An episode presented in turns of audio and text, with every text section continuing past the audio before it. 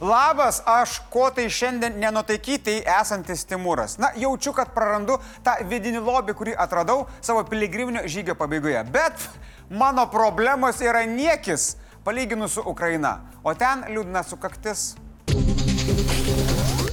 Karas Ukrainoje vyksta jau 299 dienas. Iš jų net 299 dienas rusams sekasi prastai. Vo. Arba, kaip sakė Kyivos srities karinės administracijos vadovas, Rusija jau pralaimėjo. Visgi, nepaisant beveik šimto tūkstančių prarastų karių ir daugybės nesėkmių, pasmirdėlių pajėgos toliau kažką bando vaizduoti. Terorusai ir nečia bepiločiais orlaiviais atakavo Kyivo ir Mikolaivo sritis. Virš Kyivo buvo numušta apie 15 dronų. Po atakos nutrauktas avarinis elektros tiekimas. Pranešama apie mažiausiai du nukentėjusiuosius. Per pastarąją parą Ukrainos gynybos pajėgų daliniai atremė rašistų atakas Luhansko ir Donetsko srityse. Apšaudytas Hersono centras. Kaip visada nukentėjo pagrindiniai puspročių taikiniai - gyvenvietės, civilinė infrastruktūra ir civiliai gyventojai. Tiesa, galima pasidžiaugti, kad Ukrainos pajėgos išstumė orkus iš ilgai laikytų pozicijų netoli Bahmuto. Ukniečiai tiki, kad rašystams baiginėjasi raketos. Jų galimai liko trims, nu gal keturioms atakoms. Bet yra gandų ir spėlionių, kad etniniai prievartautojai ruošia Ukrainai naujametinę dovaną - naujas raketų atakas. Tai bus savotiškas Rusijos gyventojų pamaloninimas. Kalbant apie pamaloninimus, vyriausiasis klozetų vagių globėjas Vladimiras Putinas susitiko su Baltarusijos bulviniu agrofireriu Lukašenka. Jis Baltarusijoje lankėsi pirmą kartą per pastarosius trejus metus. Šis dviejų homosovietikus eksponatų susitikimas veikiausiai yra dar vienas mėginimas sukurti informacinį foną tolesniam karo etapui. Žodžiu, propagandai kuri šiek tiek feilina pastaruoju metu. Tuo tarpu Rusijos gynybos ministras Šoigu neva apsilankė priešakinėse okupantų gretose. Teigiama, kad tai yra visiška netiesa. Paprasčiausia ir nelabai vykusi rusų propaganda. Mat vaizduose išreiktas parne matosi gruodžio mėnesį žaliuojančias pievas. Nu, tokių ir įvairių kitų fake dalykų karo metu iš Rusijos pusės pasitaiko ir tikrai dar pasitaikys. Be to teigiama, kad šio klauno vizitas labiau įsiutintų, o ne motivuotų orkų karius. Taigi išvada aiški. Viską, ką sako Rusija, patikrinkite, šaltinį, autorių publikacijos laiką, raskite skirtumą tarp faktų ir nuomonių bei atsižvelkite į stilių, nes jų propagandos mašina veikia be perstojo. Junktinės karalystės premjeras Ryšis Sunakas Rygoje susitiko su Šiaurės, Baltijos šalių ir Niderlandų kolegomis, kur paskelbė apie didelį naują artilerijos paketą Ukrainai. Tai yra šimtai tūkstančių artilerijos vedinių pagal 250 milijonų svarų sterlingų vertės sutartį. Man atrodo, kad Ukraina iš kalėdų senelio daugiau prašė, bet ir tai yra solidi dovana, žinant, kokie iššauni šiemet buvo. Slavo Ukrainai. Draugai, metas jums priminti, kad ne tik varvekliai kartais krenta, bet ir žvaigždės kartais krenta. Dar vienas humanitaras, Dainorėlis, pavažiavo į dvasingus rytus talento pademonstruoti. Šį kartą operos solistas Vaidas Višniauskas, nepainiokite su Ovidijum, Ramūnų ar ten to senovinių tepalų nuo žaizdų. Šiaip jei apie Vaidą Višniauską girdite pirmą kartą, nesijaudinkit, galbūt ir paskutinį kartą girdite apie jį. Užsienyje geriau žinomas kaip Kristian Benedikt, solistas Vaidas pasirodė Baltarusijoje vykusiame Gala operos koncerte. Ария Отелло из оперы «Отелло» исполняет Кристиан Бенедикт, Литва. Atliko Otelo ariją iš Verdžio Otelo. Beje, tą pačią, kurią atlikdamas per kariuomenės dieną, žadėjo kaip niekada neišduos Lietuvos. O, niekada. Na, Lietuvos gal ir neišdavė, bet sveika protą tai tikrai. Nors Baltarusijoje Lukašenkinė gertinėlė solistui plojo, gal net atsistoja, o iki šiandien įkrito solidi suma, grįžus į gimtinę ovacijos Višniausko nelaukia. Kas tikrai laukia, pasipiktinė kultūros ministras bei Lietuvos nacionalinio operos ir baleto teatro direktorius Jonas Sakalauskas. Vo taip dabar bus. Ministras Simonas Kairys yra tiesiog šokė dėl tokių kultūrinių kelionių.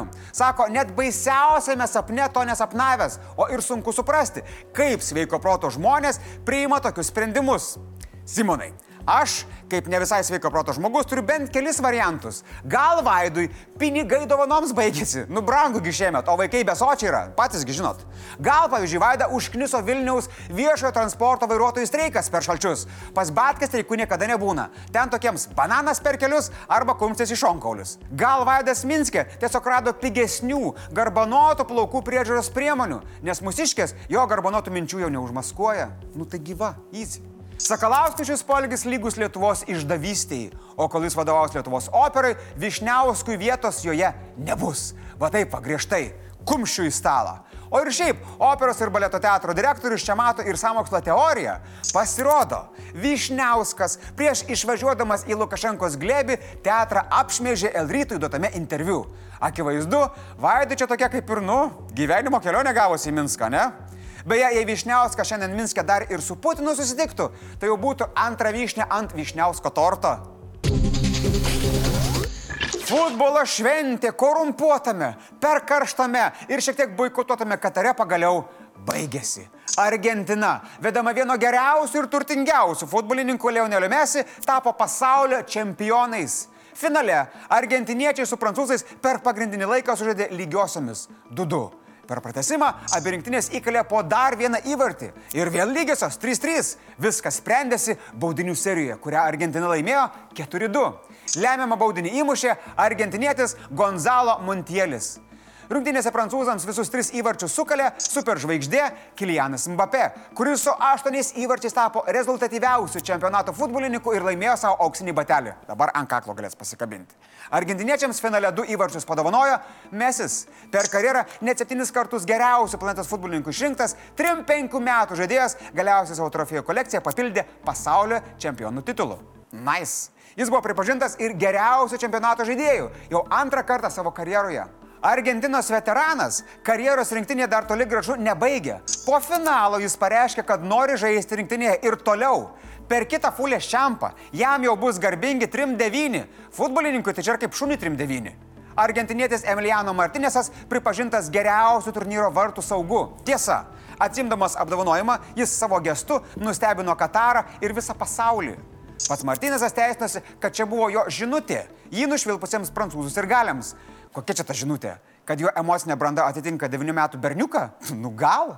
Na, milijonai argentiniečių pamiršo savo aroganciją ir šalies ekonominę krizę ir siekdami žaidimą verkė. Šaukė ir net be rašytinio sutikimo glaudėsi vieni prie kitų. Net vyrai taip darė. Po finalinio švilpuko Argentina išprotėjo. Valdžia pamačiusi, kas dedasi gatvėse, norėdama išvengti chaoso ir galimų tragedijų, neplanuoja rinktinės keliavimo per Buenos Airių centrą su taure. Nebus, nereikia, sako, ne. Yra pranešimų apie sustojusias širdis ir net tragišką triumfuojančio motociklininko mirtį. Ai, karamba, kokia pabaiga, ne? Kaip jūs vertinate iš metų FIFA pasaulio čempionatą? Boikotavo dėl korupcijos? Žiūrėjot ir džiaugitės dėl Argentinos, o gal liudesiukas spaudė dėl prancūzų? Galbūt Ronaldo vis dar yra geriausias, ar vis tik Mesis yra numeris vienas. Kaip ten yra? Parašykit, klokit viską, netaupykit, važiuojam. Pasaulio šalis Junktinių tautų aukščiausiojo lygio sustikimo biologinės įvairovės klausimais metu pasirašė istorinį susitarimą. Juo siekiama panaikinti dešimtmečius trukusią aplinkos naikinimą. Po ketverius metus trukusių įtemptų darybų daugiau kaip 190 valstybių paremė susitarimą, kuriuo siekiama apsaugoti sausumą, vandenynus ir gyvybės rušis nuo taršos, degradacijos ir klimato krizės. Nu, Orlauskui turbūt nuo degradacijos jau nebepadės.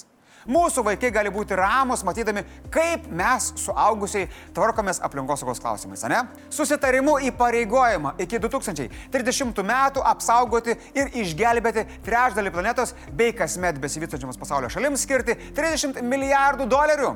Kaip sakė Lietuvos deleguotas eurokomisaras. It's really huge amount of work in summarizing four years of, of, of, of work Šiuo metu tik maždaug šeštadalis Žemės ir dvyliktoji dalis vandenynų turi tam tikrą apsaugą. Sustarimas turi keturis esminius punktus. Tai ekosistemų išnykimo sustabdymas, tvarus biologinės įvairovės naudojimas, užtikrinimas, kad gamtos ištekliai būtų naudojami sąžiningai, tuo pačiu apsaugant čia buvų teisės ir užtikrinimas, kad pinigai būtų nukreipiami ten, kur jų labiausiai reikia. Kad sustarimo reikšmė istorinė, sako ir skaičiukas termometre. Aplinkosaugininkai šį sustarimą prilygina Paryžiaus sustarime numatytam reikšmingam planui. Na, nenoriu būti skeptiškasis vakarėlio gadintojas, bet šampano šauti šią progą dar neskubėčiau. Gal geriau aš kokią vandens stiklinytę išgersiu, kol jo dar mes turim. Mm. Blitz naujienos. Jei prezidento rinkimai vyktų šį savaitgalį, ta prasme per Kalėdas, jų lyderiai būtų dabartinis prezidentas Gitanas Nausėda, premjerė Ingrida Šimunytė ir advokatas Ignas Vegelė, atsiprašant. Toliau reitingė vardan Lietuvos lyderis Saulis Skvernelis, socialdemokrato pirmininkė Vilija Blinkevičiūtė ir visuomenininkas Andrius Tapinas. Oba, tai man žiek netaik daug ir liko jau.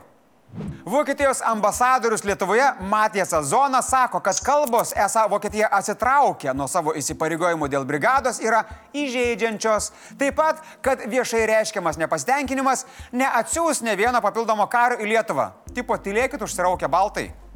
Europos klubinio krepšinio finalinės kovos gegužės pabaigoje vyks Lietuvoje Kaune. Kauno Žalgirio direktorius Paulius Matejūnas sako, kad sprendimas Eurolygos finalo ketvirto turnyrą surenkti Kaune yra aukščiausio lygio įvertinimas, priešingai negu Kauno Žalgiris. O! Twitter savininkas Ilonas Maskas suabejojo savo ateitimi šio socialinio tinklo vadovo poste ir vartotojų paklausė, ar turėtų atsistatydinti. Negana to, jis pažadėjo pasielgti taip, kaip nuspręs apklausos dalyviai. Beveik 17,5 milijono Twitter vartotojų dalyvavo apklausoje ir 5,7,5 procento balsavo už Masko pasitraukimą. Draugai, jeigu dabar rašot piktą komentarą, kad kaip čia ant žalgerio varo, man žinokit giliai dzin. Rytas, žalgeris. Parašykit geriau komentarą apie šitą fulės čiampą. Blogas, geras, Mesis numeris vienas, Leonelis, ten uh, Ronaldo, kas ten dar. Parašykit, viskas labai įdomu. Beje, šiandien laukia yra labai labai šalta. Tai parėję iš lauko, pasitikrinkit, ar visos galūnės vis dar ant jūsų.